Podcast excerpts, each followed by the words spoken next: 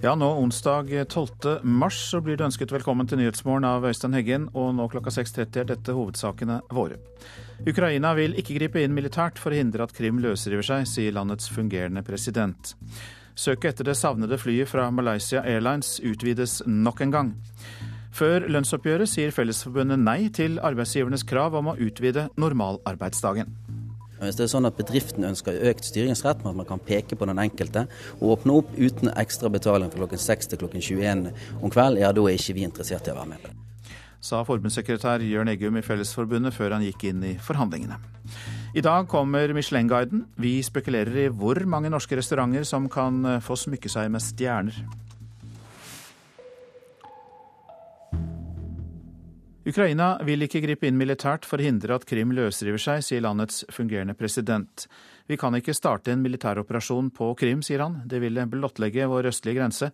Og Ukraina vil ikke være beskyttet, sier Aleksandr Turtsjynov.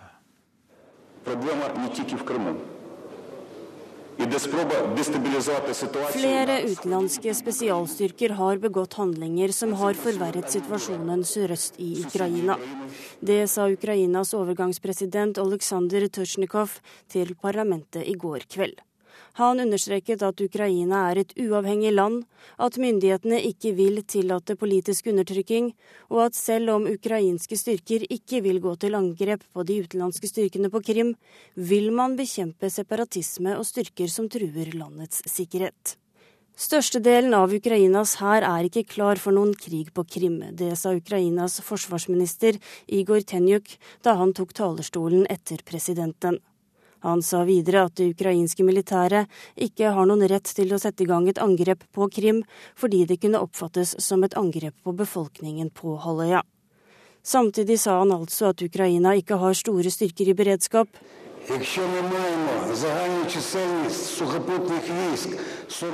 Ukrainas hær har totalt 41 000 soldater. 20 000 kan bli mobilisert i dag, men jeg påpeker her at bare 6000 er klare akkurat nå sa Ukrainas forsvarsminister. Reporter Tonje Grimstad. Igjen utvides søket etter det savnede flyet fra Malaysia Airlines. Det er fortsatt et mysterium hva som skjedde med flyet som forsvant fredag. Asia-korrespondent Anders Magnus, du er med oss. I hvilke områder pågår letingen nå? Det er eh, leting fortsatt eh, i eh, Thailand-golfen. Det er leting i Malakkastredet, og nå utvides også letingen nordover for Malakkastredet opp mot Andamanhavet, som er kjent for veldig mange norske turister. Det ligger utenfor Phuket og Krabi i Thailand. Og Grunnen til dette er jo disse litt motstridende meldingene om at Flyet kan ha snudd og eh, fløyet eh, tvers over Malakkahalvøya og ut i havet der. Hva er bakgrunnen for denne antakelsen, altså at flyet faktisk har snudd og fløyet flere hundre kilometer vestover?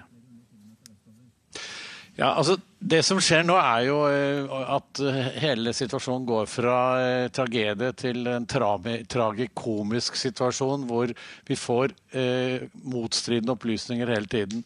Bakgrunnen for denne utvidelsen av søket er eh, malaysiske militære som sier at eh, de har observert på sin militære radar at flyet har snudd, at det har fløyet i lav høyde én time mot vest men at sporene slutter over eh, Malakkastredet. Samtidig så benekter nå eh, hærsjefen at han har sagt dette eh, til avisene, mens mange, det finnes mange vitner på at han faktisk har gjort det. Og Vi har også tidligere hørt mange motstridende meldinger fra malaysiske myndigheter. De sa bl.a. at en av disse som gikk om bord med stjålet pass, var en svart mann. Det var han ikke. Så eh, hva man nå skal stole på av opplysninger, det begynner å bli nokså uh, tynt etter hvert. Uh, og det er også økende frustrasjon blant en del av de landene som er med i søket. Vietnam sier nå at de ikke ønsker å delta på en stund lenger. Uh, men de har jo selv også kommet med veldig mange rare opplysninger i denne saken. Men Er det kommet fram noe om årsaken til at flyet snudde? Nei, eh, det har jo ikke det. Og det er en, fortsatt mange luftfartseksperter som ikke tror at det gjorde det. Eh, transponderen som gir signaler til den sivile radaren, sluttet å fungere over havet øst for Malaysia.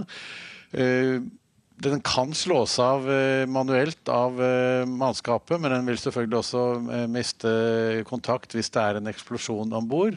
Så det er mange sivile eh, luftfartseksperter som sier at eh, det er mest sannsynlig at det har skjedd noe akkurat på det punktet.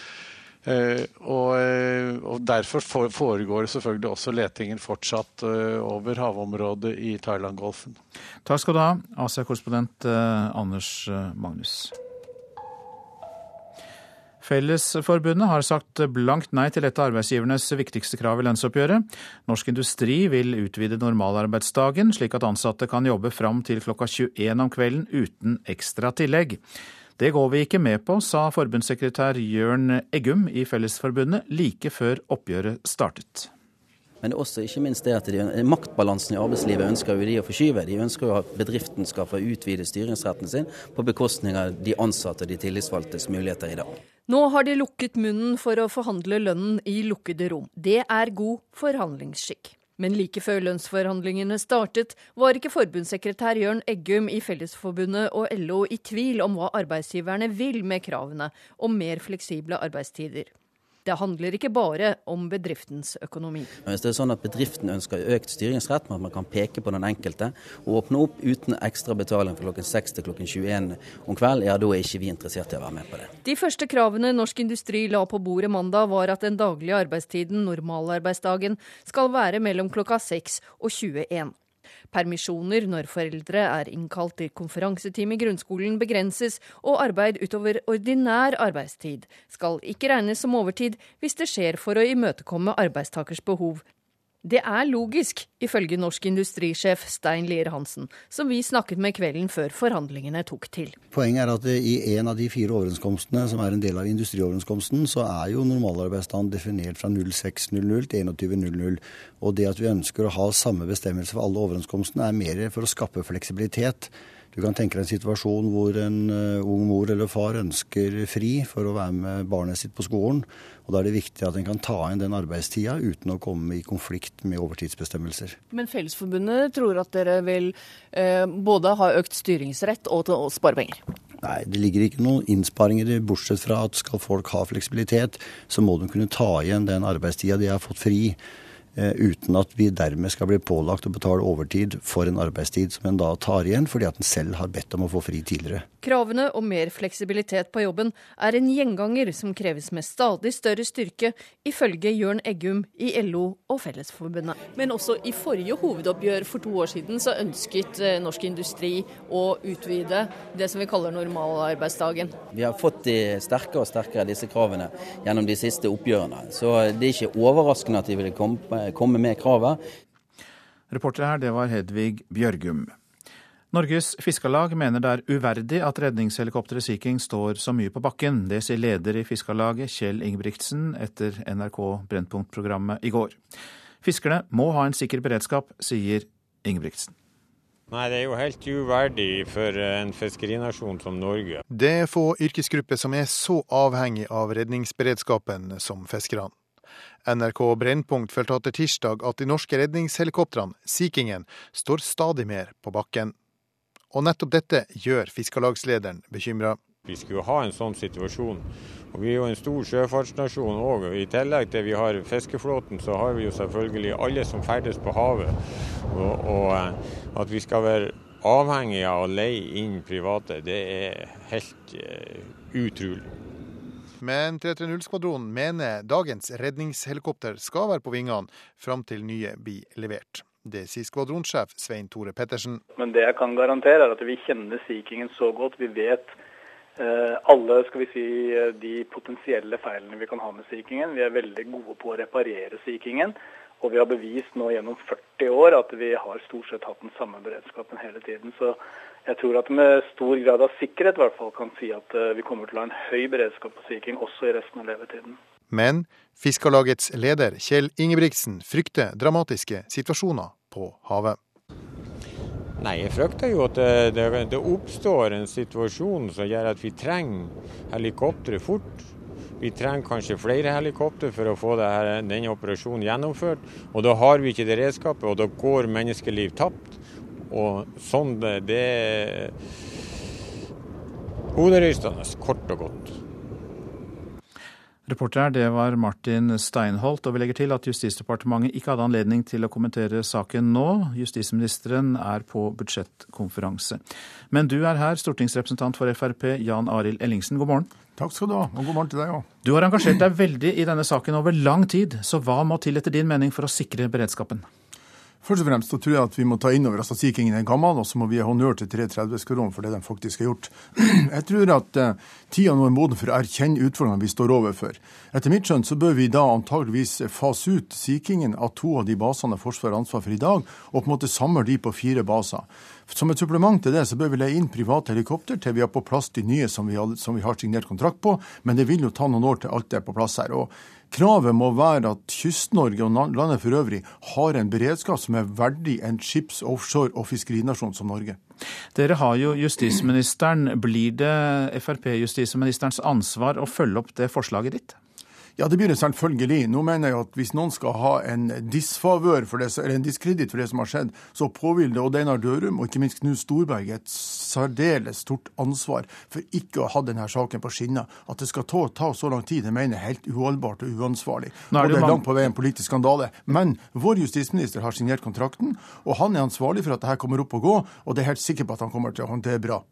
Ja, Nå er jo ikke de nevnte politikerne til stede for å forsvare seg her, men dette er jo noe som har gått over mange år, og mange partier har ansvar for at dette ikke har kommet på plass. Det er helt riktig. Jeg var saksordfører sjøl i 2001-2002 og la føringer på hvordan dagens tjeneste skulle se ut, eller den fremtidige tjenesten skulle se ut. Og Da var Stortinget særdeles tydelig på at de ønska seg nye maskiner på plass innen 2008. Det er vi altså langt, langt unna. Du foreslår dermed konkret at uh, to baser uh, legges ned, og at det konsentreres på de andre basene basene, også at man leier inn helikoptre. Hvilke baser er best egnet til å fortsette? Nei, Det skal jeg være forsiktig med å si, men jeg tenker at den siste som Forsvaret overtok, den på Nordvestlandet bl.a., bør eh, man kunne la en privat eh, operatør ha ansvaret for. Det er jo sånn at man i dag leier inn private ved behov. Vi har leid inn private på Rygge. Vi har sett at private var de som gjorde jobben når Kamaro fikk store problemer, fordi at Forsvaret sto på bakken og ikke kunne bidra. Og hvis man ser på den offshorekompetansen som finnes i Norge, og beredskap man har rundt norske oljeinstallasjoner, så er ikke et sekund sekund i tvil på at de kan levere en tjeneste som har høy kvalitet, og som kan bistå den jobben Forsvaret gjør. Hva var Kamara-saken som du bruker som eksempel her? Det var jo da Bristov eh, som eh, var inne og bistå i en redningsaksjon da 30-skvadronen sin maskin på Banak ikke kunne, ikke kunne, gjøre jobben. Og som vi så på Brennpunkt i går, så gjorde de en utmerket jobb og hentet opp alle som lå i sjøen, og fikk dem til land, og at de sånn sett ble berga. Og det står det stor respekt av. Jan Arild Ellingsen, til slutt. Eh, bør staten be om hjelp fra oljeselskapene, som jo har beredskap eh, gjennom helikoptre? Ja, det bør man gjøre. Man må være mye tydeligere på kontraktsavtalene mellom de. I dag betaler man ganske høye beløp i timepris for å leie dem inn, og her syns jeg staten kan, kan gjøre et vesentlig bedre arbeid når det gjelder å inngå avtaler og forpliktelser mot offshoreindustrien. Gå inn og reforhandle, og så be om hjelp fra oljeselskapenes helikoptre. Det viktigste er at vi har en totalt sett best mulig redningstjeneste. Da skal du ha takk for at du kom eh, hit tidlig på morgenen, Jan Arild Ellingsen, som altså er stortingsrepresentant for Fremskrittspartiet. Så skal jeg si litt om det avisene har på forsidene i dag. Fikk ny start etter Nav-prosjekt med møteplikt, skriver Bergens Tidende. 30 år gamle Dominic Benjaminsen i Fjell kommune måtte møte opp hver dag klokka ni til felles frokost og veiledning om jobbsøknader for å få utbetalt sosialstønad. Det har vært suverent, sier Benjaminsen, som nå har fått praksisplass hos en entreprenør. Trygd smitter fra foreldre til barn, skriver Aftenposten. Risikoen for å bli uføretrygdet øker kraftig dersom mor eller far får trygd. Dette kan være med å forklare den kraftige veksten i uføretrygdede i Norge, sier forsker. Asylopprør fra kommunene kan vi lese om i Klassekampen. Flere kommuner nekter å ta imot asylbarn etter kutt i refusjon for barnevernsutgifter til asylbarn. Over 900 asylbarn venter i mottak på fast bosted. Norge rystes av drap og grov vold mot barn, kan vi lese i Dagsavisen. Overlege Torkil Aas ved barneklinikken ved Oslo universitetssykehus tok i fjor imot 156 mishandlede barn som har blitt utsatt for slag, spark, pisking og forgiftning.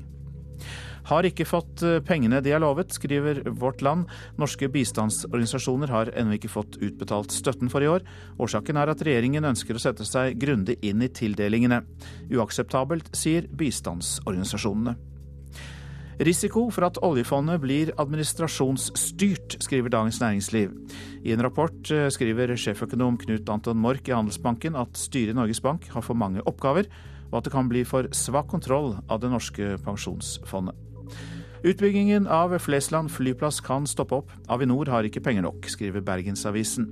Byens næringsråd ber nå statsminister Erna Solberg gripe inn og sikre nok penger til utvidelse av flyplassen.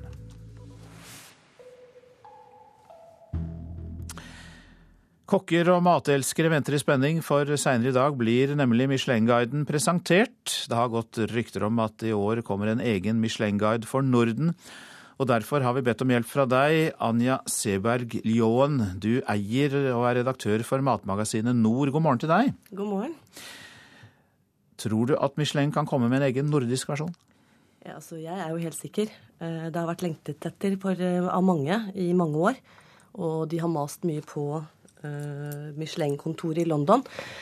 Uh, og nå vet jo vi som syns vi vet noe, at den kommer.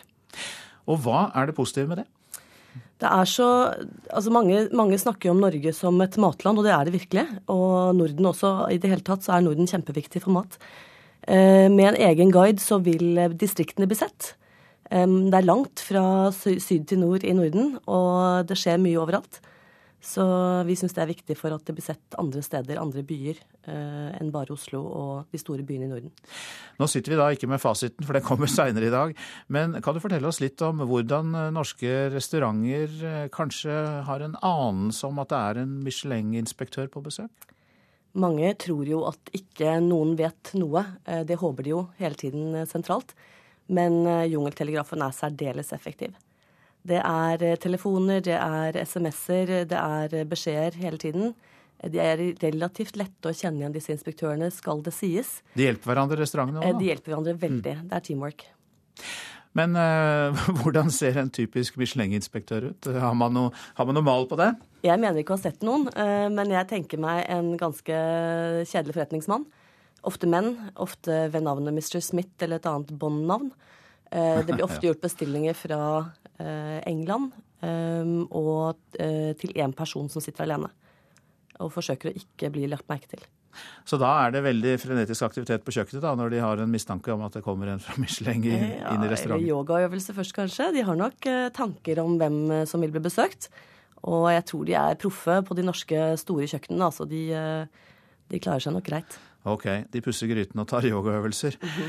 Du, vi må jo få et stalltips fra deg før du forlater oss. Hvem bør få stjerner i dag av norske restauranter? Jeg eh, driver et matmagasin og er ofte på sosiale medier. Og jeg har lovet og veddet på at Even Ramsvik og Ilojale restaurant i Oslo må og skal få sin fortjente stjerne. Det er, det er helt nødvendig for at eh, veldig mange av oss skal tro på det de gjør, rett og slett. Og den som har to nå, Måmo i Oslo, tror du de beholder disse to uh, prestisjefylte stjernene? Ja, jeg har spist der, og jeg tror at uh, bare det at uh, de kjører økologisk all the way, og at de holder en standard som hele tiden forbedrer seg, de, de, er, de er bedre enn seg selv absolutt hele tiden. Jeg tror de kommer til å beholde stjernene sine. Men oppsummert, eh, Anja Seberg Ljåen. Eh, dette å gå på en Michelin-restaurant er vel ikke for folk flest, akkurat? Det koster noe fryktelig mye, gjør det ikke det? Det koster mye å gå på konsert også. Det koster mye å gå i teater i forhold til vanlige lønninger. Men det er noe man gleder seg til, noe man sparer til, og noe man eh, bruker måneder kanskje på å glede seg, glede seg, til og sette pris på. Så jeg tenker at det er det samme. Mat koster penger. Det, er, det skal koste penger. Det er viktig at mat eh, som noen har brukt lang tid på å foredle og produsere, og ikke minst stå i kjøkkenet og perfeksjonere, at det koster penger. Da tar vi det med oss og sier takk til deg og venter på Michelin-guiden som kommer senere i dag. Du er altså redaktør for eh, matmagasinet Nord. Anja Seberg Jaan, takk skal du ha. Bare hyggelig.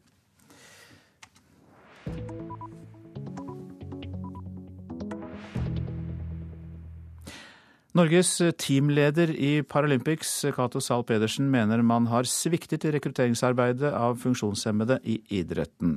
Han peker bl.a. på at taushetsbelagt informasjon gjør det vanskelig å nå ut til potensielle utøvere. I Sotsji har det norske laget så langt kun sikret seg én medalje. Vår utfordring er at det er for tynt. Altså det er for få i, i toppidretten. Det er jo rekrutteringen som eh, ikke er der. Jeg registrerer i hvert fall at vi har ikke gjort nødvendige, gode nok tiltak for å, for å ha, en, ha, en, vekst. Det sier Cato Zahl Pedersen, som er teamleder for Team Paralympics. Han mener det er flere årsaker til at rekrutteringen av funksjonshemmede til idretten ofte er vanskelig. Det er en generell velferdssyndrom at vi er latere Altså Det er mange andre som er mer sultne den muligheten til å prestere. Og det, Vi bruker mye skjermer i dag, og vi lar oss fascinere av å sitte stille i sofaen og, pleie, og spille eller å se på skjermer. Og Det er en generell utfordring for uh, grunnlaget til rekrutteringen uh, kontra flere andre land. I går gikk Nils Erik Ulseth inn til sølvmedalje i skiskyting, men det var også Norges første medalje i årets Paralympics. Cato Zahl Pedersen skulle ønske seg at man kunne nå ut til flere. Per dags dato har f.eks. ikke Nav lov til å utgi informasjon om funksjonshemmede, fordi den er taushetsbelagt. Funksjonshemmede er litt bak lukkede dører. Vi har ikke institusjoner som veldig mange andre land her. Det er vanskelig å nå frem med et budskap om 'kom og bli med her'. Teamlederen, som selv er tidligere deltaker i Paralympics, ønsker seg muligheten til å komme i kontakt med enda flere potensielle idrettsutøvere. Vi kan i hvert fall begynne enda sterkere å gå på institusjonene og nesten komme igjen og bli med her. Til nyskade i trafikken, til nyskade i, i ulykker i ulike sammenhenger. Og reporter her, det var Mats Håby. Dette er Nyhetsmorgen, og klokka den har eh, passert 6.51. Eh, Vi har disse hovedsakene. Ukraina vil ikke gripe inn militært for å hindre at Krim løsriver seg, sier landets fungerende president. Søket etter det savnede flyet fra Malaysia Airlines utvides ytterligere. Fiskarlaget frykter for eh, redningsberedskapen, mener den er uverdig for sjøfartsnasjonen Norge. Og stortingsrepresentant for Frp Jan Arild Ellingsen sa her i Nyhetsmorgen at helikoptre må leies inn for å sikre beredskapen så lenge vi har de gamle Sea King-helikoptrene.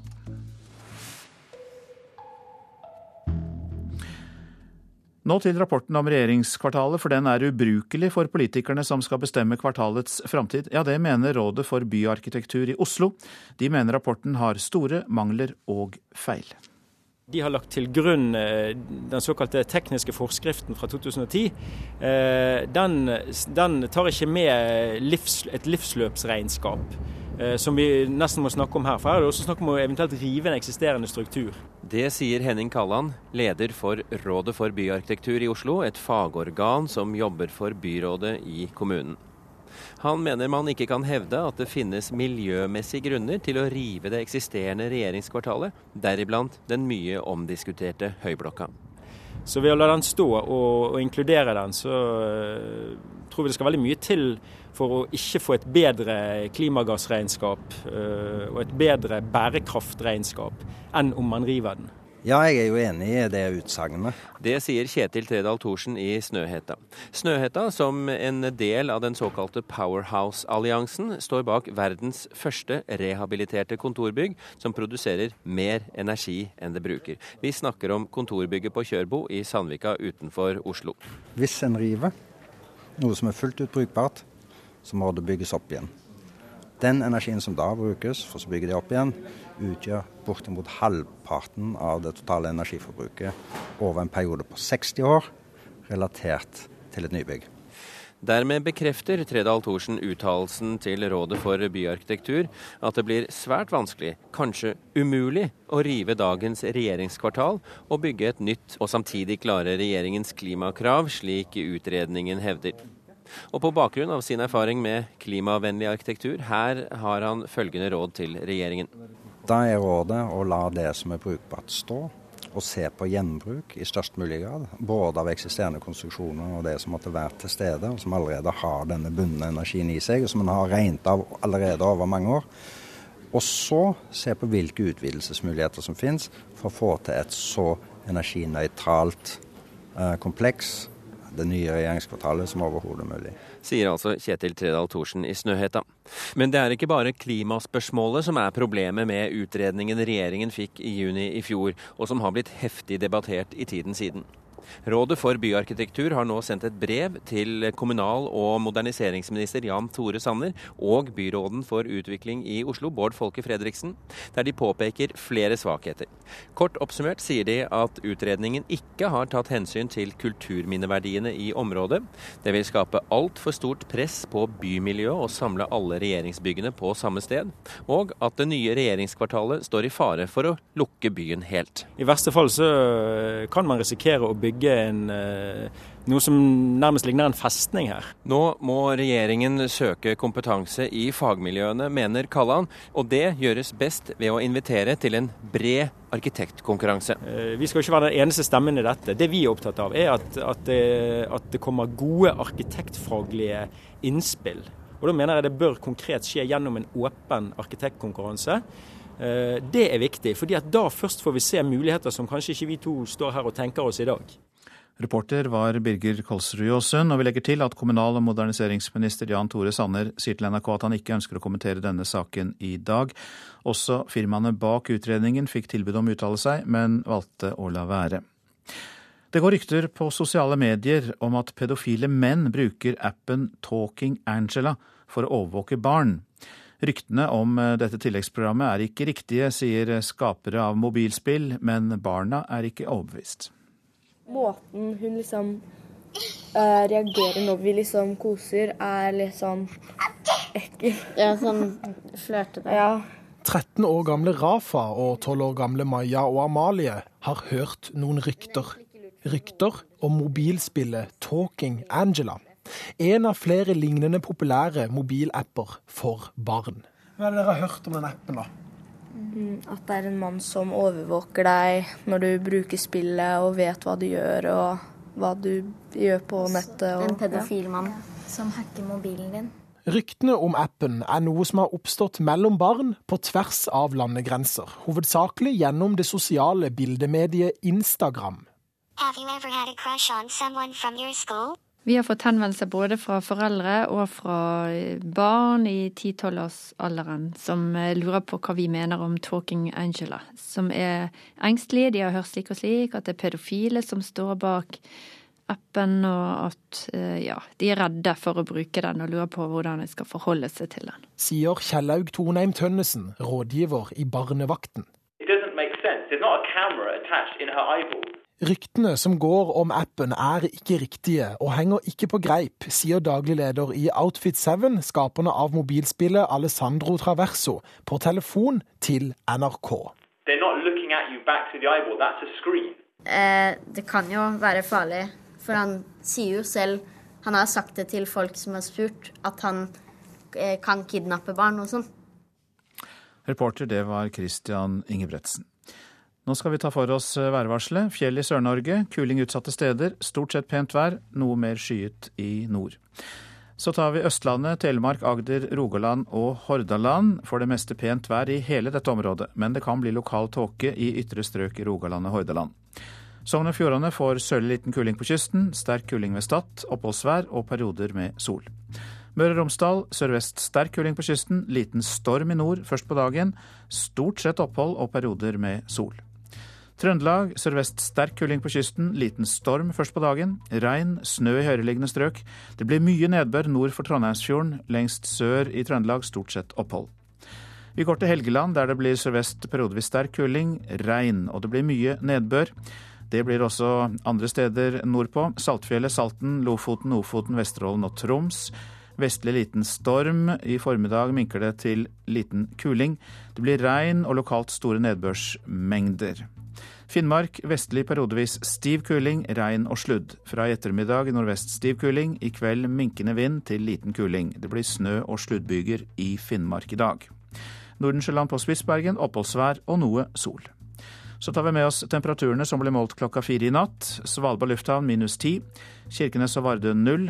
Alta og Tromsø fire. Bodø seks. Brønnøysund sju.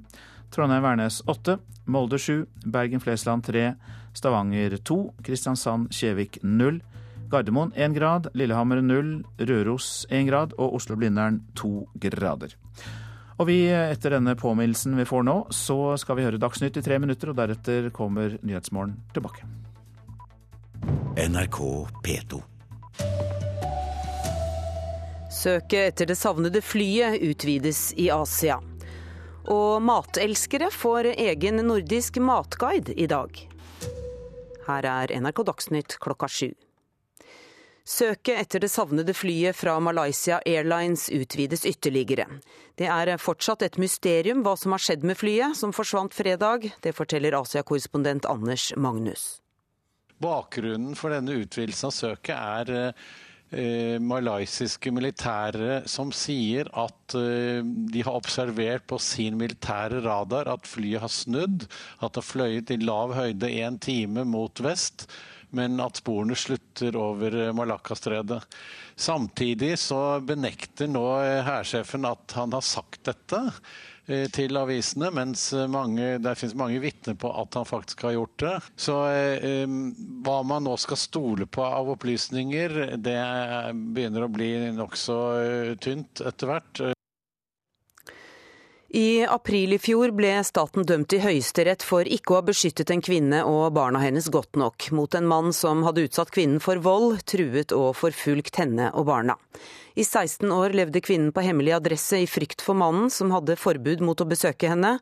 Leder av Krisesentersekretariatet mener flere kvinner kunne unngått adressesperre hvis brudd på besøksforbudet var fulgt bedre opp av politiet.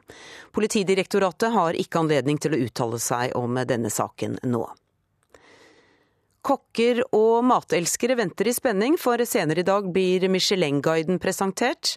Det har eh, også gått rykter om at i år kommer en egen Michelin-guide for Norden, forteller eier og redaktør for matmagasinet Nord, Anja Ljoen. Eh, det har vært lengtet etter for, eh, av mange i mange år. Og de har mast mye på Michelin-kontoret i London. Og nå vet jo vi som syns vi vet noe, at den kommer. Med en egen guide så vil distriktene bli sett. Det er langt fra syd til nord i Norden, og det skjer mye overalt. Så vi syns det er viktig for at det blir sett andre steder, andre byer, eh, enn bare Oslo og de store byene i Norden. Sa Anja Seberg Ljoen. Norske ansatte både i Norwegian og i mange andre selskaper må være forberedt på stadig lavere lønninger i årene som kommer. Det varsler professor Lars Sørgaard ved Norges handelshøyskole. Professoren mener at et lavere lønnsnivå nærmest er uunngåelig når norske selskaper etablerer nye avdelinger i utlandet. I tråd med det Norwegian allerede har gjort, bl.a. i Thailand. Det skriver Dagsavisen i dag. Det var NRK Dagsnytt i denne omgang. Mitt navn er Kari Ørstavik. Og Nyhetsmorgen fortsetter med det vi bl.a. hørte i Dagsnytt. Politiet gjør fortsatt ikke nok for å beskytte kvinner mot menn med besøksforbud, mener Krisesentersekretariatet. Sekretariatslederen kommer hit. Utenlandske vogntog er farligere enn norske. Nå er det slått fast av forskere, og Lastebileierforbundet kommenterer her i Nyhetsmorgen. Og kobberprisen betyr alt for en nyvalgt president i Chile. Det får vi også høre mer om i Nyhetsmorgen. Ja, Krisesentersekretariatet mener at politiet ikke gjør nok for å beskytte kvinner mot menn med besøksforbud. Den norske staten ble i fjor dømt i Høyesterett for ikke å ha beskyttet en kvinne og barna hennes. I over 16 år gjemte hun seg for mannen, som er dømt for vold og forfølgelse. For første gang forteller kvinnen sin historie. Det var det før vi flytta. Så, så store var de. Det mellomste, skal vi si. Så alt dette reist, måtte vi selge og reise fra, da. Bilder i et album forteller om livet til henne og barna, den gang friheten fortsatt var en selvfølge. Dette er rett før det skjer, disse bildene her. sånn. Fra gamle huset deres? Mm. Et bekjentskap utviklet seg til drapstrusler. Hun ble forfulgt, ofte i bil. Det var brev og telefoner. Til slutt en alvorlig voldsepisode. Flere måneder lå hun på sykehus, men det endte ikke der. Det ble bare mer og mer. Jeg måtte byttelåne biler for å kunne bevege oss ut. Og vi hadde så mye politi i gata at uh, vennene til ungene begynte å forsvinne fordi foreldrene torde ikke å sende dem til oss. Hver gang han brøt besøksforbudet, meldte hun fra til politiet. Skriftlig på 50 anmeldelser er levert, og det kom én dom ut av det på jeg tror det var to måneder. I april i fjor ble staten dømt i Høyesterett for ikke å ha beskyttet henne og barna godt nok. Stadige brudd på besøksforbudet ble ikke fulgt opp av politiet. Til slutt flyktet hun. Hvordan fant du ut hvor du skulle flykte, da? Vet du hva, Det var helt tilfeldig. Jeg bare tok kartet og så fant det et sted som jeg trodde at vi kunne gjemme oss skikkelig. Et nytt liv begynte, uten besteforeldre, julaften alene dem sammen. Det var bare mamma som vinket i 17. mai-toget. Når ungene fikk vite kvelden før de la seg at i morgen så flytter vi på hemmelig. For de kunne ikke vite noe, for de kunne ikke snakke med noen. Etter tre rettsrunder vant kvinnen i Høyesterett. Staten har ikke overholdt sin plikt etter Menneskerettighetskonvensjonen til å sikre kvinnen mot forfølgelse, heter det i dommen. Justisminister Anders Anundsen ønsker ikke å uttale seg, for erstatningsspørsmålet er ennå ikke avgjort. Statsadvokat Morten Eriksen jobber i Økokrim, men har i mange år engasjert seg i kvinners rettsvern. Det er få, om noen, grupper i det norske samfunn som er i en vanskeligere stilling enn kvinner som må leve på flukt og i skjul i det frie Norge. Han sier at selskaper har bedre rettsvern enn kvinner på flukt i Norge. Når systemet forutsetter at du må gå gjennom rettsapparatet i tre runder for å kunne bringe saken inn for Høyesterett, så sier det seg selv at det rent faktisk så er det mye tyngre for utsatte kvinner å gå gjennom den øvelsen enn det er for de som har mye ressurser. I en anonym leilighet viser kvinnen meg spor etter volden 16 år etter. Ribben har ikke grodd riktig, arr etter slagene er fortsatt synlig. Hun er sint, bitter, ikke på gjerningsmannen, men staten. Da hun vant, kom lettelsen. Jeg følte liksom plutselig at jeg fikk tilbake meg selv. At, jeg, at litt av skammen og skyldfølelsen forsvant litt. At det var faktisk ikke bare min skyld. At ikke jeg hadde lykkes å få, uh, få stoppa dette her. At det faktisk var flere som så at dette, klar, vet du hva, dette klarer ikke du alene. Dette er ikke ditt ansvar. Dette var faktisk statens ansvar. Og denne reportasjen var laget av Ellen Omland. Politidirektoratet har ikke anledning til å uttale seg om denne saken nå. Men du er kommet til studio, Tove Smådal. God morgen til deg. God morgen. Du er leder i Krisesentersekretariatet. Ja, la oss gå rett på det som ikke fungerer. Hva er det med besøksforbudsordningen som ikke fungerer? Nei, nå har vi altså hatt besøksforbud eh, siden 1995. Eh, og vi ser at eh, veldig mange besøksforbud blir brutt uten at det kommer en følbar reaksjon. Og det er klart, Politiet har de senere årene blitt mye mer bevisst og bruker dette her. Men det kan synes som om at uh, den siste bøygen nå ligger kanskje hos uh, påtalejuristen. Vi har altså situasjoner hvor besøksforbudet har vært brutt flere tusen ganger. Og det er klart at når det ikke kommer noe følbar reaksjon, så føler ikke kvinnene trygghet. Og overgriper vet at nei, det besøksforbudet det virker ikke, for her kommer ingen følbare reaksjoner. Og, og jeg syns det er en skam for dette landet at uh, så mange kvinner og barn er i en situasjon hvor de må flykte og leve i skjul, uh, slettet fra offentlige registre, for å redde liv og helse. Du sier altså at det kanskje nå ikke først og fremst er politiets eh, håndtering av dette, men påtalemyndigheten. Mener du da at påtalemyndigheten, når de får slike klager på at besøksforbudet er brutt, ikke følger opp loven, eller er det loven som faktisk må endres og skjerpes? Nei, det er jo hvordan de følger opp disse sakene, og om de har kompetanse nok til å forstå eh, situasjonen her. Eh, så jeg tror at eh, altså det vi erfarer fra krisesentrene, er jo at uh, det er ulikt hvordan uh, politiet håndterer dette i, i, de ulike politidistriktene. Men det er helt klart at uh, det er viktig at hele alle leddene mm. har den kunnskapen og hvor viktig det er å gi den følbare reaksjonen. Samtidig så har vi jo aldri gått inn og evaluert besøksforbudet for å se om det, hvordan det fungerer, gir det et effektivt vern. Det er ikke så lenge siden vi fikk altså Eh, at eh, retten har eh, kan dømme en til å gå med omvendt voldsalarm for å skape beskyttelse. Men det er jo heller ikke noen som er dømt til å gå med omvendt voldsalarm. Så vi har jo mange virkemidler. Men det er klart, da er det viktig at politi, påtalemyndigheten og samfunnet følger opp dette godt nok. Ja, for Vi hørte jo i denne saken beskrivelse at det var politi i gata der denne kvinnen bodde. Mm. Og hun hadde utallige anmeldelser, men bare én dom. Så da er det, det butter imot. Det er helt, helt, på slutten når man skal gå til en domsavsigelse mot ja. en av disse personene. Det er helt klart. Eh, og, politiet har jo også ved gjentatte brudd så har de jo muligheten for å varetektsfengsle. Det blir jo heller ikke brukt mm. i den utstrekning som vi ønsker. Eh, for vi må jo jobbe hele tiden bevisst, så ikke mennesker kommer i den situasjonen at de skal være nødt til å flykte. For konsekvensene eh, for både mor og barn er særdeles store. Staten tapte i Høyesterett denne saken her. Men så, Det skjedde da i april i fjor. Allerede i mai så sendte Riksadvokaten ut et rundskriv til politi, politidistriktene om dette. Hadde ikke det rundskrivet noen virkning?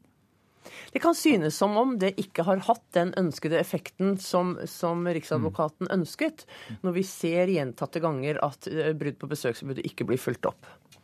Takk for at du kom til Nyhetsmorgen, Tove Smådal, som altså er leder i Krisesentersekretariatet. Nå om utenlandske lastebiler og trailere, for de er oftere innblandet i alvorlige trafikkulykker enn norske. Ja, det slår forskningen fast for første gang. Ja. Jeg hører han lekker herfra. Vi er på tungtransportkontroll like utenfor Oslo. Det tar ikke lang tid før kontrollør Åge Kristiansen finner en typisk feil på den utenlandske lastebilen. Hvis det er lekkasje på bremsene sånn som det er her, så må han reparere det før han kjører videre. Vi har lenge hørt at biler som denne gjør norske veier mindre trygge. Nå slår forskninga fast at utenlandsk tungtransport oftere er innblanda i ulykker der personer dør eller blir skada, enn norske trailere og lastebiler. Forsker ved Transportøkonomisk institutt Tor Olav Nevestad trekker fram ett funn som spesielt overraskende. Det har jo vært mye media om at uh østeuropeiske lastebiler har høy ulykkesrisiko, så det var jo interessant å se at de vesteuropeiske hadde høyere. Undersøkelsene viser at hvert vesteuropeiske vogntog som kjører i Norge, må regne med en alvorlig ulykke hvert tiende år. Det er tre ganger så ofte som norsk tungtransport. Også svenske og østeuropeiske vogntog er oftere innblanda i skadelige ulykker enn norske.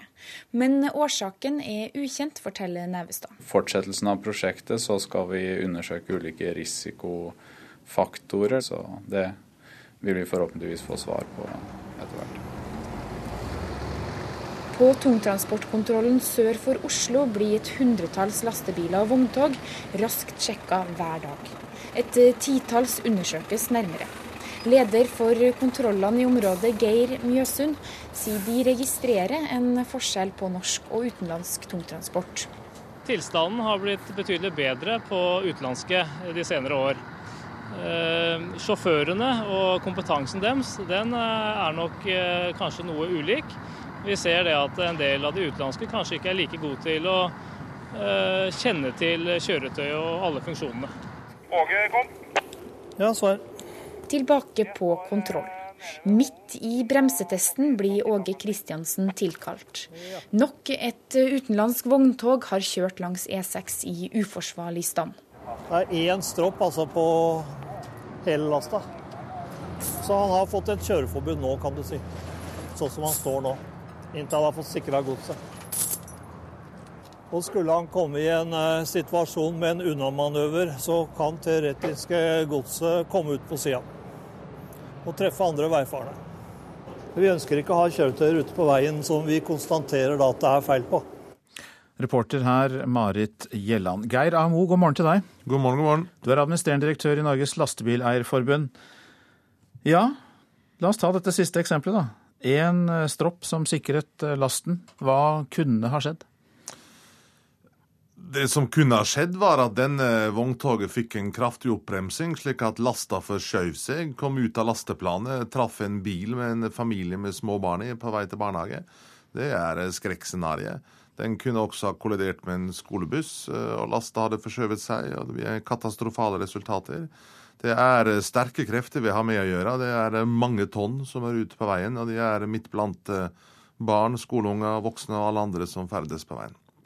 Hva må gjøres nå når denne rapporten er lagt fram, og som altså da viser at utenlandske vogntog er farligere enn norske? Ja, Dette bekrefter jo uh, ting som holdt på å si, bransjen og alle har sett uh, lenge. At uh, økende antall utenlandske aktører på norske veier uh, øker risikoen pga. manglende utstyr, feil utstyr og ikke minst mangel på kompetanse blant de, mange av de som opererer på veiene våre. Så Det betyr at risikoen har nok økt dramatisk. Det som må gjøres, er i første rekke strengere og flere kontroller. Eh, strengere og harde reaksjoner. Og eh, ikke minst et regelverk som gjør at vi slipper å få inn mange av disse useriøse utenlandske aktørene som opererer det norske markedet. Dere i Lastebileierforbundet har vel vært ganske harde i klypa mot østeuropeiske transportører, men nå viser det seg her at faktisk vesteuropeerne er enda dårligere stilt? Ja, Mye av at det bildet er blitt skapt, handler nok om hva slags saker som har vært i media. Nå vet ikke jeg bakgrunnen eller, eller hvordan denne rapporten er satt sammen, om den er korrigert for eh, andelen eh, fra de ulike landene på norske veier osv. Mm. Men det bildet som tegnes, og som etter vår oppfatning er ganske tydelig, er at når det gjelder teknisk stand og manglende kunnskap og kompetanse, så er østeuropeiske land overrepresenterte. Men det er egentlig ikke så veldig interessant. Det er, si, Om de er fra Øst-Europa eller Vest-Europa. Det som er interessant, er at det erkjennes at det å operere i Norge, særlig på vinterstid, krever ekstra kompetanse. Kompetanse som eh, veldig mange utenlandske aktører ikke har.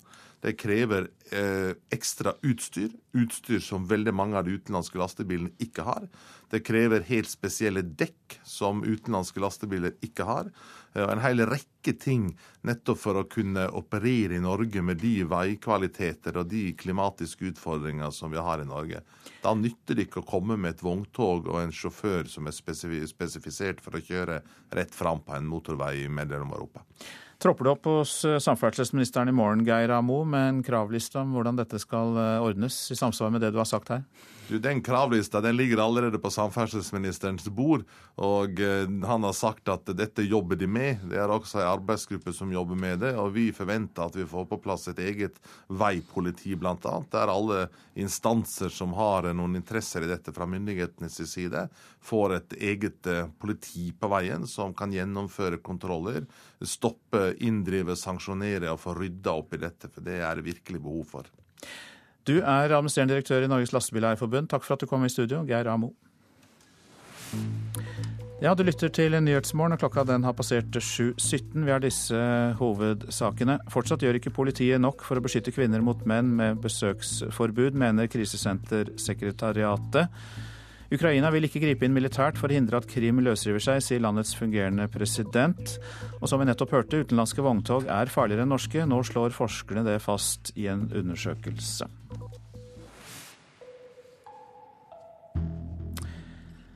Ja, så skal vi snakke om eh, børser og aksjekurser, for børsene i Asia faller markant nå på morgenkvisten. Flere aksjeindekser ligger an til å stenge på sitt laveste nivå hittil i år, i hvert fall. Økonomimedarbeider Sindre Heirdal, eh, ja, hvor dårlig står det til? Ja, Vi ser bredere aksjefall i hele regionen, og de aller fleste valutaene i alle disse landene faller også nå på morgentiden. Eh, I tillegg så er råvareprisene ned på en bred fjøl, men det rammer særlig kobberprisen, som nå er på sitt eh, laveste nivå på nesten fire år. Hvorfor skjer det? Det er, En ting er japanske dårlige forbrukstall, som særlig rammer i Japan. Men det, det, som ellers preger alle verdens investorer nå, det er frykt for hva som skjer i Kina. Et aksjemarked er gjerne drevet av frykt eller grådighet. Og nå er det frykten for at Kinas økonomi kan få gå på en skikkelig smell som preger alle pengeflytterne. Og Det handler om at Kinas kredittmarked har vokst stort og ukontrollert med mange ulovlige pengeutlånere som har gitt fyrt opp en økonomi for mye, mener mange. Så mye at den kan kollapse. Og det preger hele stemningen i aksjemarkedet nå. Kinesisk økonomi er jo gigantisk mye større enn Ukrainas økonomi, men der har det jo vært politisk trøbbel. Har det hatt noen innvirkning på aksjemarkedet?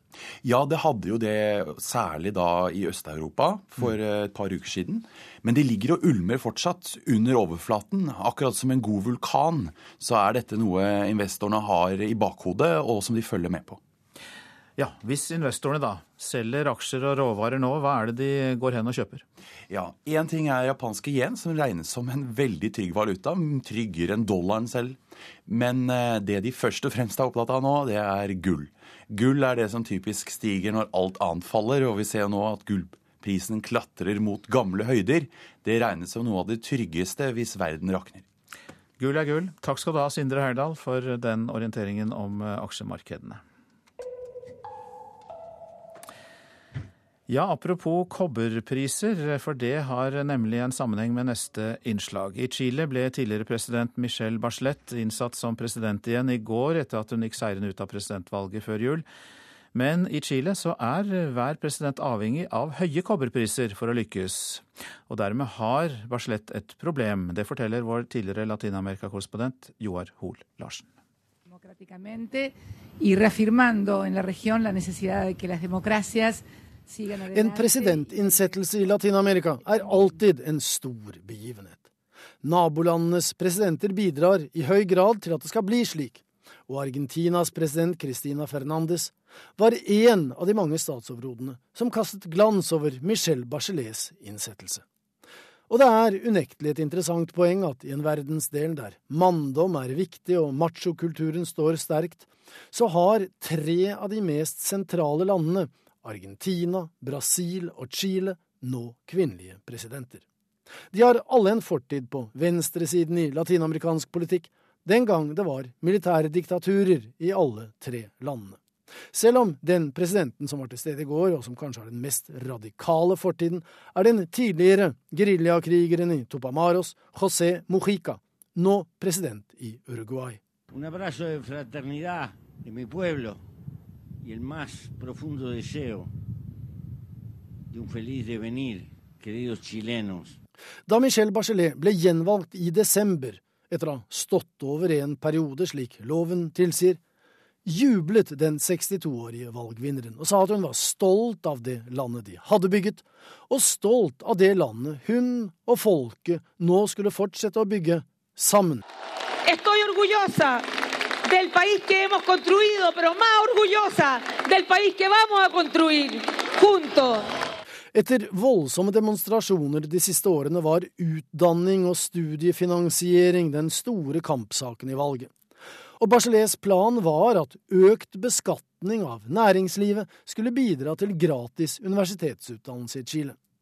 Men på forsiden av El Mercurio i går der bildet av alle de prominente gjestene med kronprins Felipe av Spania som et naturlig midtpunkt dominerer, så står det også at det er krise i kobbernæringen, og da er det krise i Chile. For den utgjør 20% av BNP og står for 60% av eksportinntektene.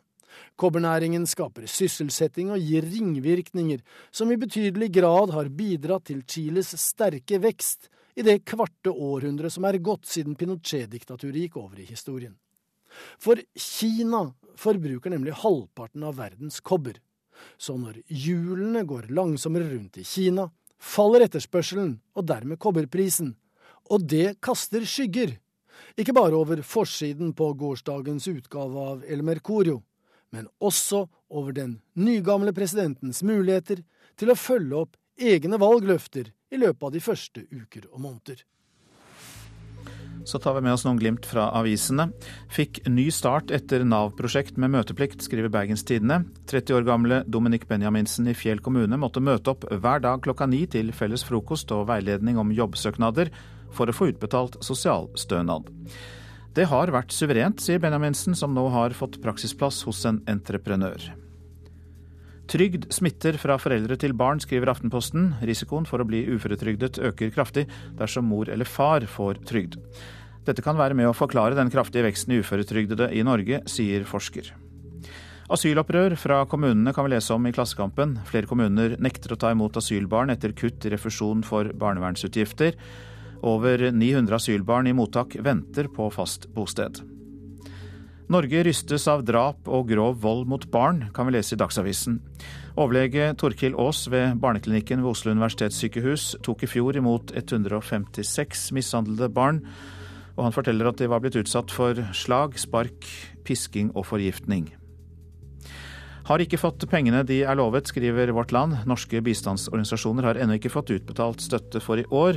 Årsaken er at regjeringen ønsker å sette seg grundig inn i tildelingene. Uakseptabelt, sier bistandsorganisasjonene. Risiko for at oljefondet blir administrasjonsstyrt, skriver Dagens Næringsliv om. I en rapport eh, skriver sjeføkonom Knut Anton Mork i Handelsbanken at styret i Norges Bank har for mange oppgaver, og at det kan bli for svak kontroll av det norske pensjonsfondet. Utbyggingen av Flesland flyplass kan stoppe. Avinor har ikke penger nok, skriver Bergensavisen. Byens næringsråd ber nå statsminister Erna Solberg gripe inn og sikre nok penger til utvidelse av flyplassen, for passasjerveksten fortsetter og kapasiteten er sprengt. 40 kommunetopper i Tromsø har selskaper på si, skriver Nordlys. Byggteknisk rådgivning, utleie av eiendommer, taksering og konsulenttjenester er blant det topplederne driver med, i tillegg til å jobbe for kommunen.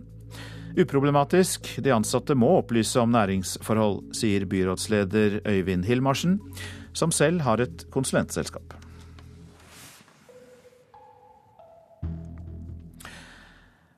Og så en gladnyhet, for pga. den milde vinteren har det vært stor nedgang i antall folk som har brukket bein og armer etter fall på gata. På glatta, og det har bl.a. fysioterapeut Ketil Olstad merket. Han mener færre beinbrudd er positivt for samfunnet på flere måter.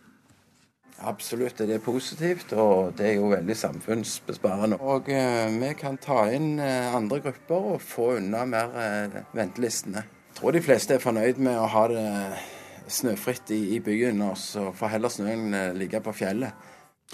Nå om bedrifter i Valdres og Nord-Gudbrandsdalen som konkurrerer om å bli områdets eh, sprekeste. Om lag 400 arbeidstakere samler nemlig poeng for å bli vinnere av det som kalles det store pulsslaget. De droppa heisen og tar i stand trøppet i raske steg, den spreke gjengen som jobba jo IKT Valdres. De vant forrige runde av det store pulsslaget, og er nå i gang med en ny konkurranse. Det forteller Øystein Engelsen. Det er bra å føle at eh, man blir i bedre form. Mm. Så det er et veldig bra tiltak. Og bedre form er hovedmålet. Til sammen 47 bedrifter i Valdres og Nord-Gudbrandsdalen deltar i det store pulsslaget, som er en aktivitetskonkurranse for organisasjoner og bedrifter. De nærmere 400 deltakerne registrerer nemlig all fysisk aktivitet på en nettside, og ett minutt med trening gir ett poeng.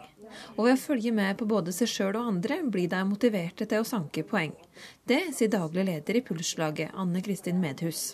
Ja, eller All type aktivitet er det som gjelder her. så Derfor kan alle være med på sitt nivå. så det er Om du har gått en tur, eller om du har hogd ved, eller om du har gått på ski, eller det som du sjøl syns er ålreit, som et alternativ til å ligge på sofaen. Mm. Så Det som er målsettinga for pulslaget, det er å prøve å få folk litt mer aktivitet og bli litt mer bevisst på å le av seg. Ei runde av det store pulslaget er allerede gjennomført i Valdres, og det viste seg at deltakelse hjalp på den fysiske formen. Før de starta var det kun 51% av de 300 deltakerne som trente to dager i veka. Mens etter ei runde med pulsslaget var derimot hele 80% i aktivitet to dager hver veke. Og Medhus sier at det er selve konkurransen som motiverer. Ja, Det vi ser, det er at det er konkurransen som trigger og motiverer. Og særlig når det begynner å komme litt på lokalt eh, plan. Og du begynner å se hvem som er med på lista, og ser en nabobedrift. Og da begynner liksom motivasjon og, eller konkurranseinstinktet å våkne. Mm. Så det er nok en stor motivasjon for mange. Og samtidig også er det mange som syns det er ålreit å se sjøl hvor mye aktivitet det er i å få litt sånn spark bak til å kanskje gå en ekstra tur en kveld, eller gjøre noe ekstra for å bidra inn i laget. I løpet av tre måneder er det om å gjøre å trene så mye som mulig, og den 14. mai skal det avgjøres hva slags bedrift som er den sprekeste i Valdres og Nord-Gudbrandsdalen. De ansatte ved IKT Valdres har organiserte treninger på kveldstid, med bl.a. jiu-jitsu, fotball og langrenn. For øyeblikket ligger de an til en tredjeplass, men det har de tenkt å endre på før konkurranseslutt i mai. Det sier Øystein Engelsen og Ingar Svingen. Vi gjør det vi på en måte pleier å gjøre, og så får vi se hvor, hva det holder til på slutt, slutten, tror jeg. Mm. Mm. Men jeg tror vi kommer sterkere nå utover. Vi gjorde det også i forrige runde. Ja. Vi lå ikke best an til å begynne med. Men plutselig satte dere inn støtet, og så Ja, det er jo de her fellestreningene mm. som gjorde en del av det. Mm. Sånn at vi var sammen og trente i, ja, fra en time til to timer sammen. Mm. Så det, det utgjorde en del poeng. Og skulle de ikke vinne, syns de deltakelsen er bra for mer enn formen. Det er vel uh, kanskje den beste teambuildinga og det beste Fysak-tilbudet Mø har hatt. Uh, det er Fysak i praksis. Mm. Ja, absolutt. Og reporter her, det var Sigrid Håvik Berge. Du lytter til Nyhetsmorgen. Fortsatt strålefare tre år etter ulykken med Fukushima-kraftverket i Japan. Vi får mer om det i reportasjen etter Dagsnytt. I Politisk kvarter skal vi høre om at det fortsatt er bråk i Senterpartiet. Og vi skal også høre at stortingsrepresentant Christian Tybring-Gjedde fra Frp ber om å bli fristilt i innvandringssaker. For han mener det er et samvittighetsspørsmål. Thomas Theis Haugen, Haugan er produsent. Her i studio, Øystein Heggen. Vesteuropeiske vogntog er oftere innblandet i alvorlige trafikkulykker enn østeuropeiske. En kvinne og barna hennes måtte gjemme seg for en voldsmann i 16 år. Staten er dømt for ikke å ha beskyttet dem godt nok. Og etter 30 år på dødscelle er en mann i Louisiana i USA frikjent for drap. Her er NRK Dagsnytt, klokka er 7.30. For første gang er alvorlige ulykker med tungtransport kartlagt ved forskning. Det overraskende er at den viser at vesteuropeisk tungtransport er innblandet i ulykker med personskade eller død oftere enn østeuropeiske vogntog.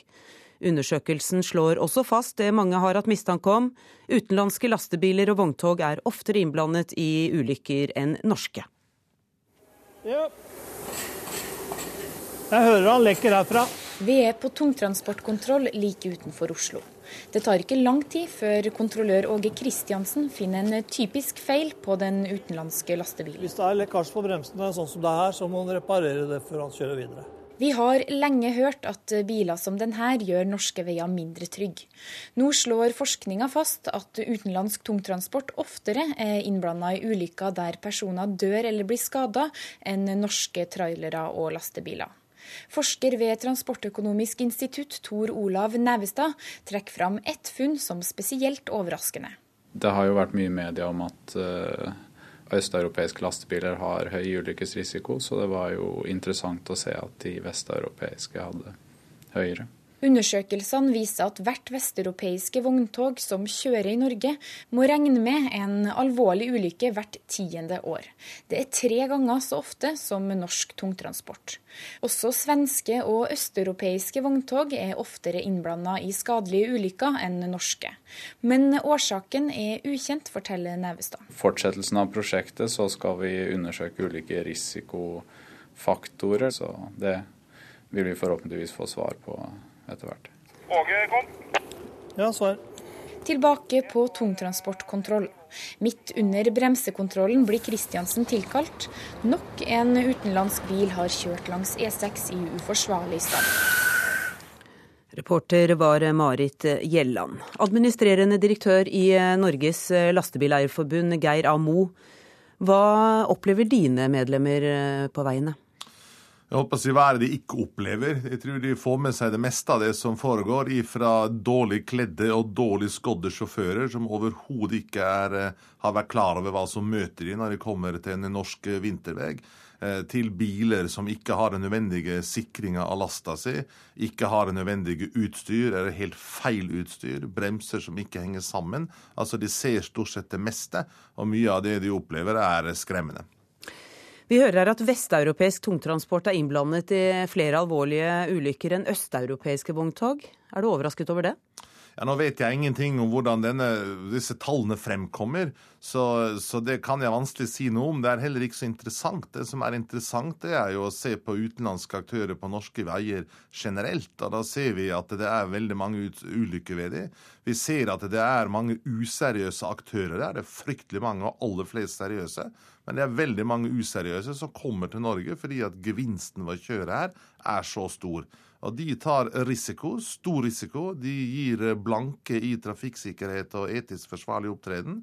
Og de er det kun for å skumme fløten, fordi at mange norske transportkjøpere og vareeiere dessverre kun er opptatt av pris når de bestiller transport, og ikke kvaliteten på transporten sin. Takk skal du ha, Geir Mo. Malaysia utvider søket etter det savnede passasjerflyet fra Malaysia Airlines til også å dekke Andamanhavet utenfor Thailand. Området ligger hundrevis av kilometer fra ruta til det savnede flyet. Samtidig setter Kina inn ytterligere to fly i letingen, mens Vietnam trapper opp letingen. Kvinner kunne sluppet å leve på hemmelig adresse hvis politiet fulgte bedre opp brudd på besøksordningen, mener Krisesentersekretariatet. I over 16 år levde en kvinne og barna hennes i konstant frykt for at en mann skulle finne dem. Mannen var dømt for vold mot kvinnen og forfølgelse av kvinnen og barna, og i april i fjor ble staten dømt i Høyesterett for ikke å ha beskyttet kvinnen godt nok. Det var det før vi flytta. Så, så store var de. Det mellomste, skal vi si Bilder i et fotoalbum forteller om et tidligere liv. Dette er rett før det skjer, disse bildene. Sånn. Fra gamle huset deres? Mm. Et bekjentskap utviklet seg til drapstrusler.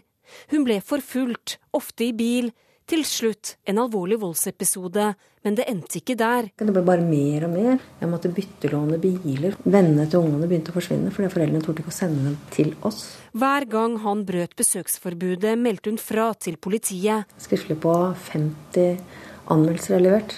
Og det kom én dom ut av det. I april i fjor ble staten dømt i Høyesterett for ikke å ha beskyttet henne og barna godt nok. Stadige brudd på besøksforbudet ble ikke fulgt opp av politiet.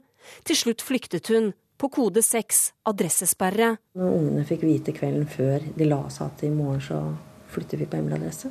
For de kunne ikke vite noe, for de kunne ikke snakke med noen. Leder i Krisesentersekretariatet, Tove Smådal, sier at hvis brudd på besøksforbudet hadde blitt fulgt opp bedre, ville færre kvinner bodd på kode 6 og adressesperre. Hvis man hadde virkelig satt inn store ressurser for å beskytte familien, så kunne vi ha unngått at kvinner og barn er på flukt. Det må jo være en skam for dette landet. Kvinnen er fortsatt sint, bitter, ikke på gjerningsmannen, men staten.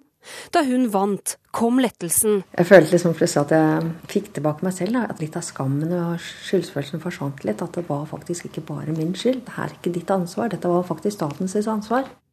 Og Politidirektoratet sier at ingen derfra kan uttale seg om saken nå. Reporter var Ellen Omland. Ukraina vil ikke gripe inn militært for å hindre at Krim løsriver seg. Det sier landets overgangspresident eh, Oleksandr Tytsjynov. Presidenten sier til AFP at han mener russiske styrker prøver å framprovosere et angrep, slik at Russland har et påskudd til å angripe andre deler av Ukraina. Han var eh, dømt for drap og satt eh, i nesten 30 år på dødscelle og ventet på henrettelsen. Men han var uskyldig, og i går ble 64 år gamle Glenn Ford løslatt fra fengselet i Louisiana i USA. Det har kostet meg 30 år av livet, om ikke hele livet, sa han på vei ut av fengselet. I, I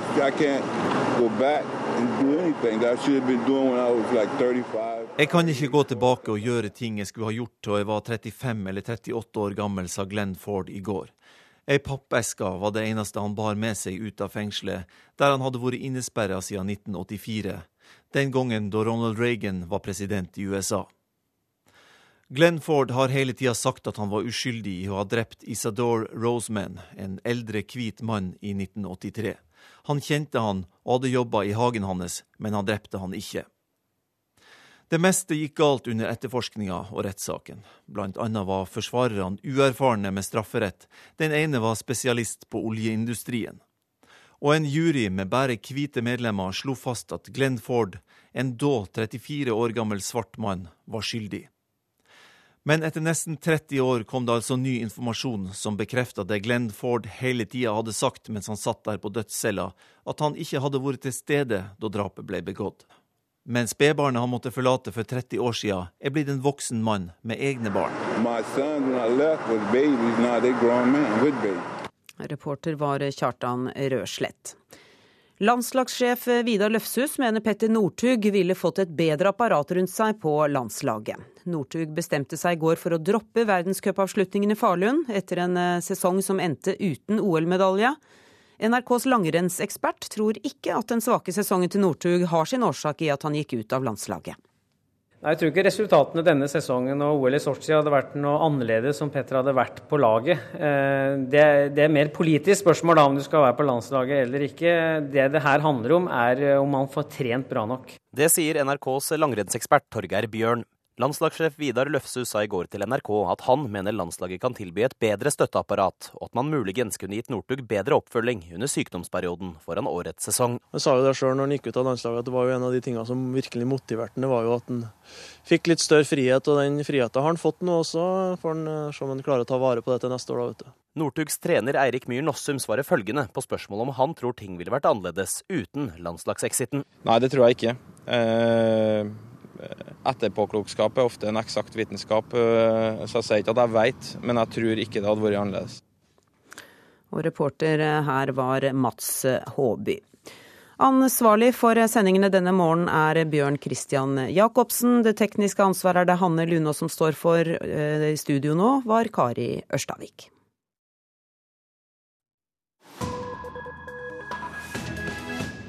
Det er Nyhetsmorgen du lytter til.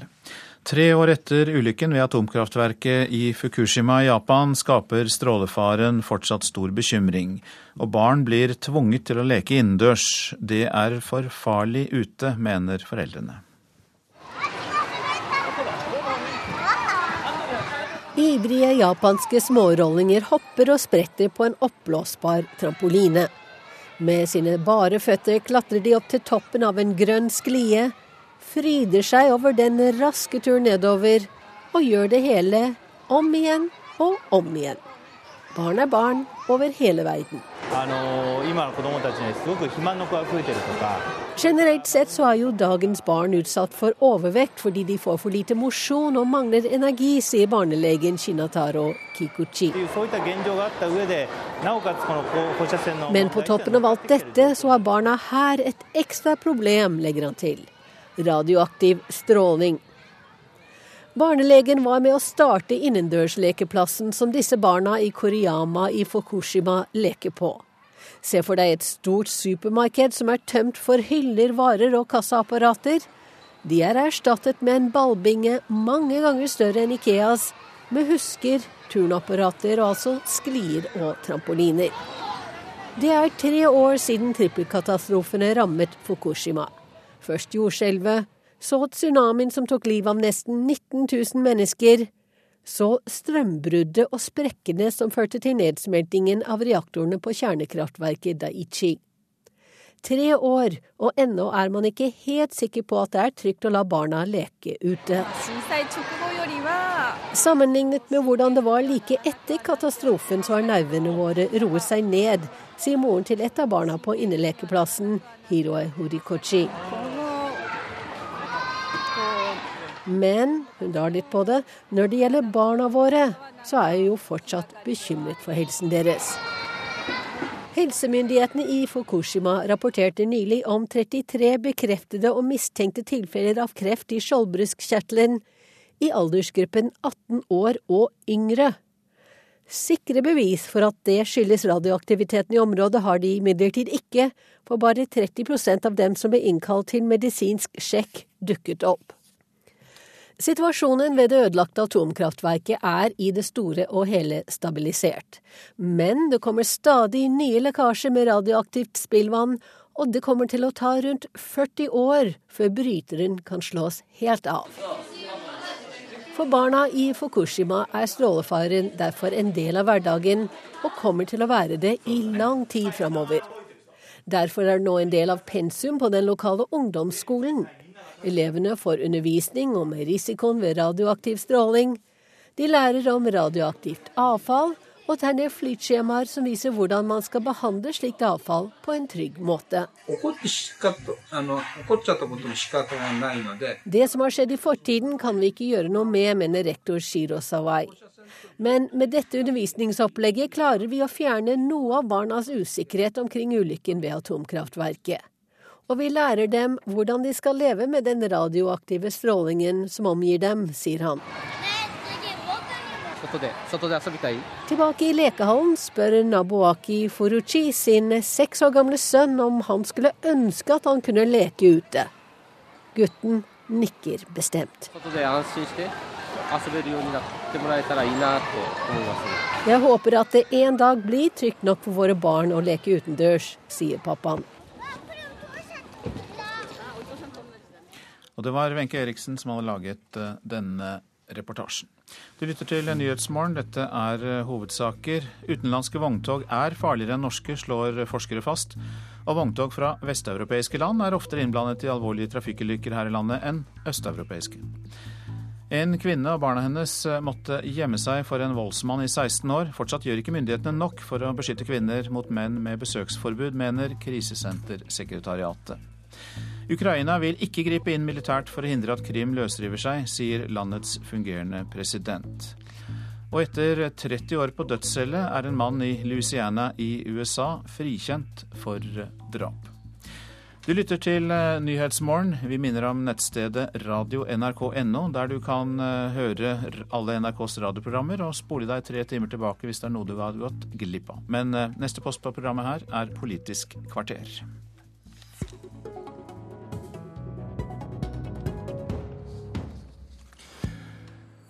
FrPs Christian Tybring-Gjedde vil fristilles til å stemme mot eget parti i innvandringssaker. Og tidligere statsråder og nestledere i Senterpartiet ber Ola Borten Moe om å trekke seg fra partiledelsen. Det er temaene i Politisk kvarter. Jeg heter Alf Hartken. Velkommen hit, Christian Tybring-Gjedde. Du ber altså partiet om å bli fristilt i innvandringssaker fordi dette er for deg et samvittighetsspørsmål. Og så sier du at du vil forbeholde deg retten til å både stemme for andre mer restriktive innvandringsforslag og komme med slike forslag selv. Det sier du til Aftenposten i dag, og bekrefter vel også at du stemte mot avtalen som, eh, som er eh, inngått om innvandring. Men hvorfor er denne saken annerledes enn andre politiske saker for deg? Fordi, ja, fordi at eh, innvandringsspørsmål ikke er et helt vanlig politisk eh, spørsmål. Eh, det er langt viktigere. Jeg ser rundt meg, og jeg ser at samfunnets verdier forvitrer. Det gjelder likeverd og likestilling. Ytringsfriheten er innskrenket. Og jeg ser også at pluralismen i innvandringsmiljøer er veldig liten. Dette er en utvikling som har skjedd i løpet av to generasjoner. Og jeg har ikke samvittighet til å stemme for mer liberale eh, familieetablering og familiegjenforeningspolitikk, slik mm. denne avtalen indikerer. Vi har fått til noe på asylsiden, eh, og det er bra. Men det aller viktigste er nå er at man eh, får til integrering, og da kan ikke folk fortsette å hente ektefeller i opprinnelseslandet. Men dette vet vi jo for så vidt også at du mener. Du har vært veldig tydelig eh, på dette temaet her. Hvorfor, ha, hvorfor mener du at partiet skal gi deg en uh, fristilling? Ja, Det har vært andre partier og andre saker i Stortinget hvor enkeltrepresentanter er blitt fristilt. Det har vært et samvittighetsspørsmål. Eh, for meg er dette et samvittighetsspørsmål. Jeg har altså nå på inn- og utpust i 15 år advart mot utviklingen vi ser eh, i Oslo bl.a. Eh, og så skal jeg da stemme for en mer liberal innvandringspolitikk. Jeg mister enhver troverdighet i dette. Jeg taper min integritet. Og jeg er nødt til å stå for det jeg står for i disse spørsmålene. Så får det koste hva det koste vil. Ja, hva kan det koste? Jeg håper at man kan løse dette gjennom at partiet forstår at dette er veldig seriøst for meg. Det er et veldig alvorlig spørsmål for meg. Uh, og jeg regner med at partiet forstår dette, og at jeg får svar på den henvendelsen jeg har stilt til sentralstyret, uh, hvor i partiene eventuelt skal behandles, og at jeg får et, et bekreftende ja på dette spørsmålet. Men du, jo, du, kan jo ikke gå ut med dette uten, du kan ikke gå hit uten å ha en idé om hva du gjør hvis du får et nei? Nei, det kan du si. Uh, selvfølgelig har jeg en idé om hva jeg gjør seg for et nei, men jeg vil nå uh, ikke lage noe ultimatum eller, uh, eller, annet. Jeg vil at partiet skal prøve å sette seg inn i min situasjon. jeg forstår og aksepterer at andre vurderer dette annerledes, men når vi ser utviklingen i Norge, så er jeg veldig overrasket at ikke flere er oppmerksomme på dette og gjør noe med det. Men du sier altså at du forventer et tydelig ja fra partiet? Hvor, ja, hvor, hvor, tydelig må det være? Hva er, hva er, det egentlig du vil ha uh, tilbake her? Ja, Kristian Tybring-Gjedde, du kan gjøre akkurat som du vil i innvandringsspørsmål. Jeg har du... fått stilt tre spørsmål til sentralstyret, og de regner med at uh, sentralstyret vil uh, svare ja på.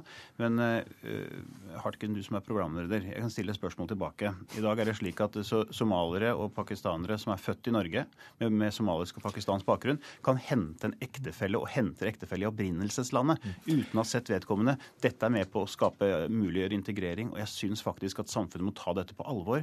Og jeg vil gjøre det. Jeg kan ikke være med på å gjøre dette enda mer vanskelig for, for det norske samfunnet. Jeg tror jeg skal holde meg til å stille spørsmål til deg, Tybring-Gjedde, så, så, så, holder vi på arbeidsdelingen her. Men uh, vi stilte også et spørsmål til uh, Harald Tom Nesvik. Han er jo da din parlamentariske leder og har fått brevet. Han vil ikke diskutere innholdet i dette brevet, men sier han tar det som et innspill. Han er på reise, men vi ba om hans kommentar i uh, går kveld.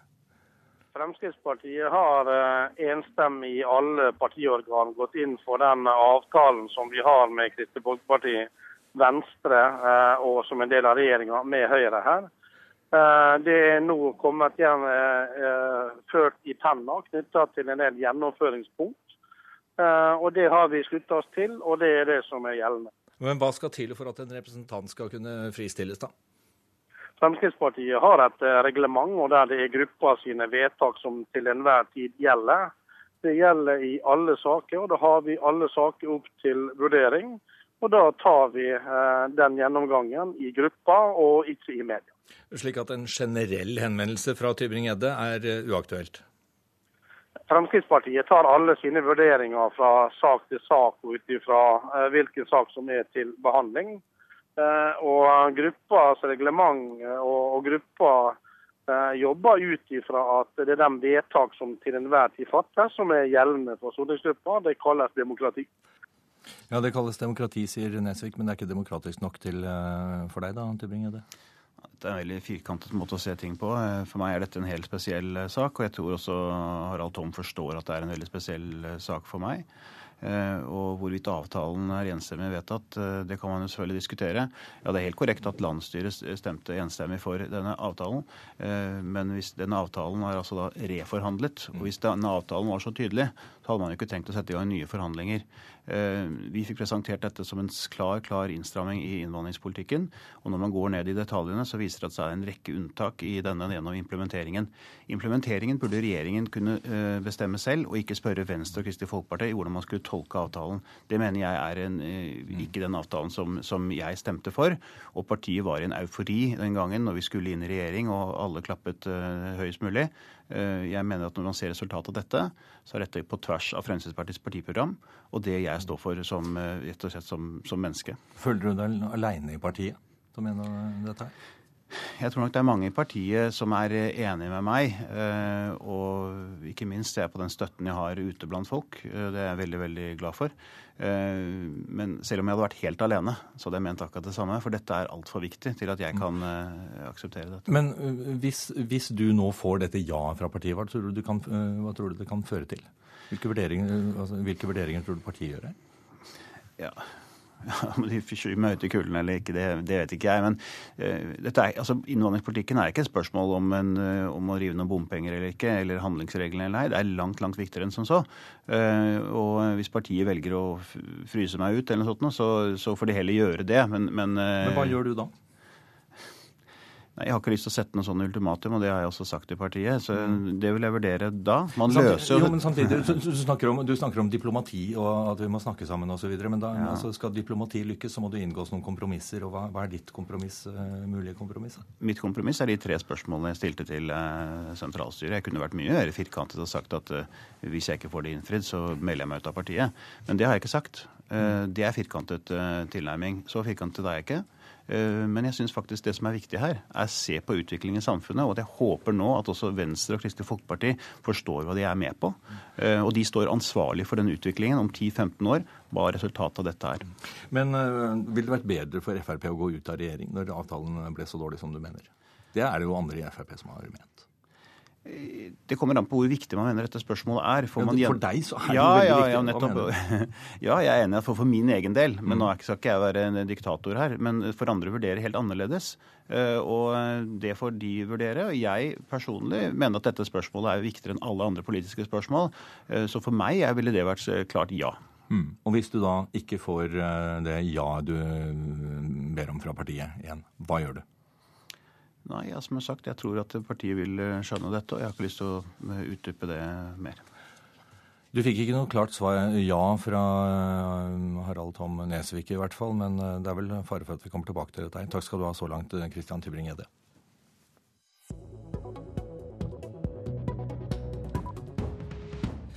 Trekk deg, Ola Borten Moe. Det er en klar oppfordring fra tre Senterparti-veteraner i et åpent brev i Nasjonen i dag. Det er tidligere nestleder Åse Grønlien Østmo to tidligere statsråder, Ragnhild Kveset Hårstad og Anne Vik, som mener Senterpartiet ikke kan leve med uroen omkring nestlederen, og ber altså Borten Moe om å ikke stille til gjenvalg.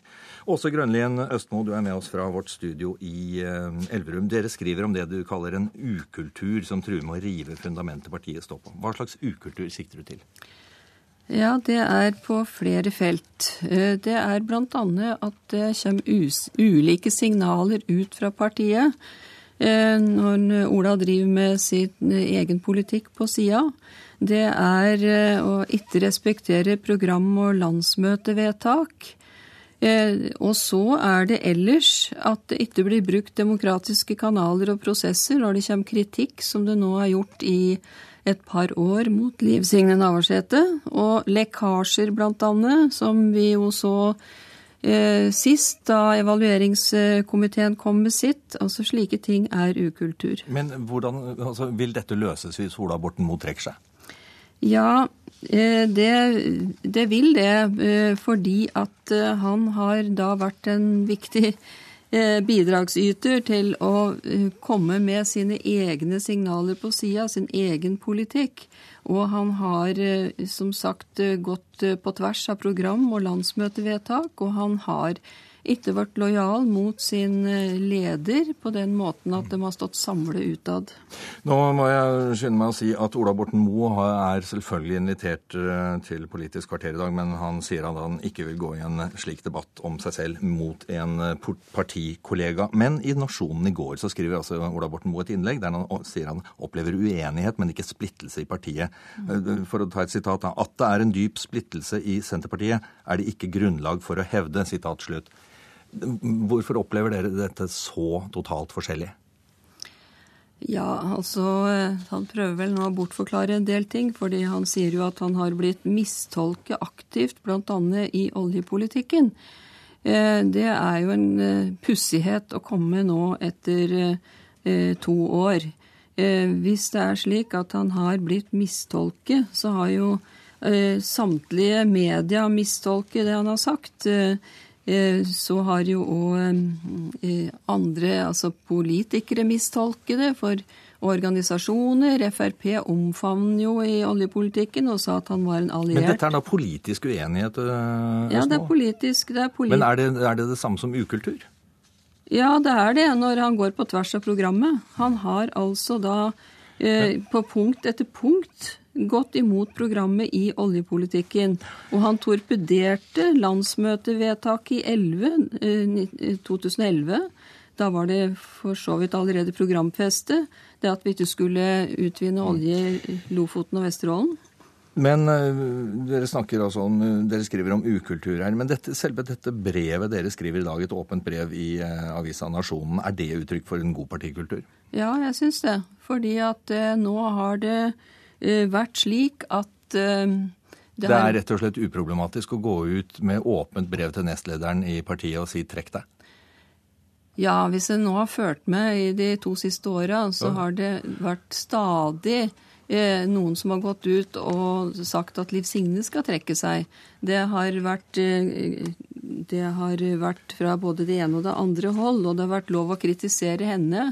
Men etter at evalueringsrapporten kom, så viser det seg jo at eh, det er ikke spørsmål om et lederspørsmål, men et ledelsesspørsmål. Og da må vi òg kunne si noe om Ola Borten Moe. Takk skal du ha, også Grønlien Osmo. Dere har jo da sagt tydelig fra om hva dere mener om Ola Borten Moe. Lars Nehru Sand, politisk kommentator her i NRK. Noen hadde kanskje trodd at uroen i Senterpartiet skulle roe seg etter hvert, men det, det skjer ikke. Vil valgkomiteen komme fram til en samlet innstilling, tror du? Det virker som en umulig oppgave, og også de som eh, ville tjent på, i hvert fall i det sterkeste håpet at det skjedde, sier nå i mye større grad at det er umulig å samle partiet. Eh, valgkomiteen skal selvsagt utvise lederskap i sin innstilling, men de skal også gjenspeile partiet hvor frontene er steile. Hva tror du nå skjer videre fram til eh, landsmøtet? Utvilsomt så vil debatten rundt Ola Borten Moe fortsette, og den vil kun rekruttere tapere. Det er ikke riktig som blir sagt her at, at, det vil løse seg hvis han trekker seg. For det vil uansett være noen som fra den ene eller andre siden som mener at ufint trav har vunnet frem, og at det ikke er den riktige avgjørelsen som, som blir fattet på landsmøtet, uavhengig av om Borten Moe trekker seg før, blir valgt eller ikke blir valgt. Hvor mye av det handler egentlig om politikk? Lite. Og etter en så lang tid i konflikt, så er det ikke, altså det er ikke nødvendigvis en rasjonell konflikt vi er vitne til. Eh, så gamle geografiske skillelinjer, miljøpolitiske engasjement, Liv Signes eh, Navarsetes ettermæle, inntrykk av Ola Borten Moe som lagspiller eller frispiller, som konstruktiv høyttenker eller, eller, en på siden av partiprogrammet, som vi hører, blir sausa sammen i en eh, stor og, og tidvis uoversiktlig debatt. Mm. Men uh, samtidig som Østmo Musleri skriver dette brevet, så, så pågår det jo også den debatten mellom tidligere generalsekretær Steinar Nes og Nord-Trøndelag. To ord om den helt til slutt. Det er ikke noe vakkert skue? Det er det ikke, og det vil ikke situasjonen i Senterpartiet være. Den er ikke det nå, og det er liten grunn til å tro den blir noe bedre de intensivene ukene frem til 20. mars, hvor valgkomiteen har sin frist med å komme med en innstilling, og ikke minst landsmøtet 7. april, og for så vidt også etterdønninger etter det. Eh, og eh, så det er eh, som sagt bare en debatt som skaper tapere. Takk skal du ha, politisk kommentator Lars Nehru Sand. Det var det vi rakk i dagens Politiske kvarter. Da er det slutt herfra. Jeg heter Alf Hartken. Hør flere podkaster på nrk.no podkast.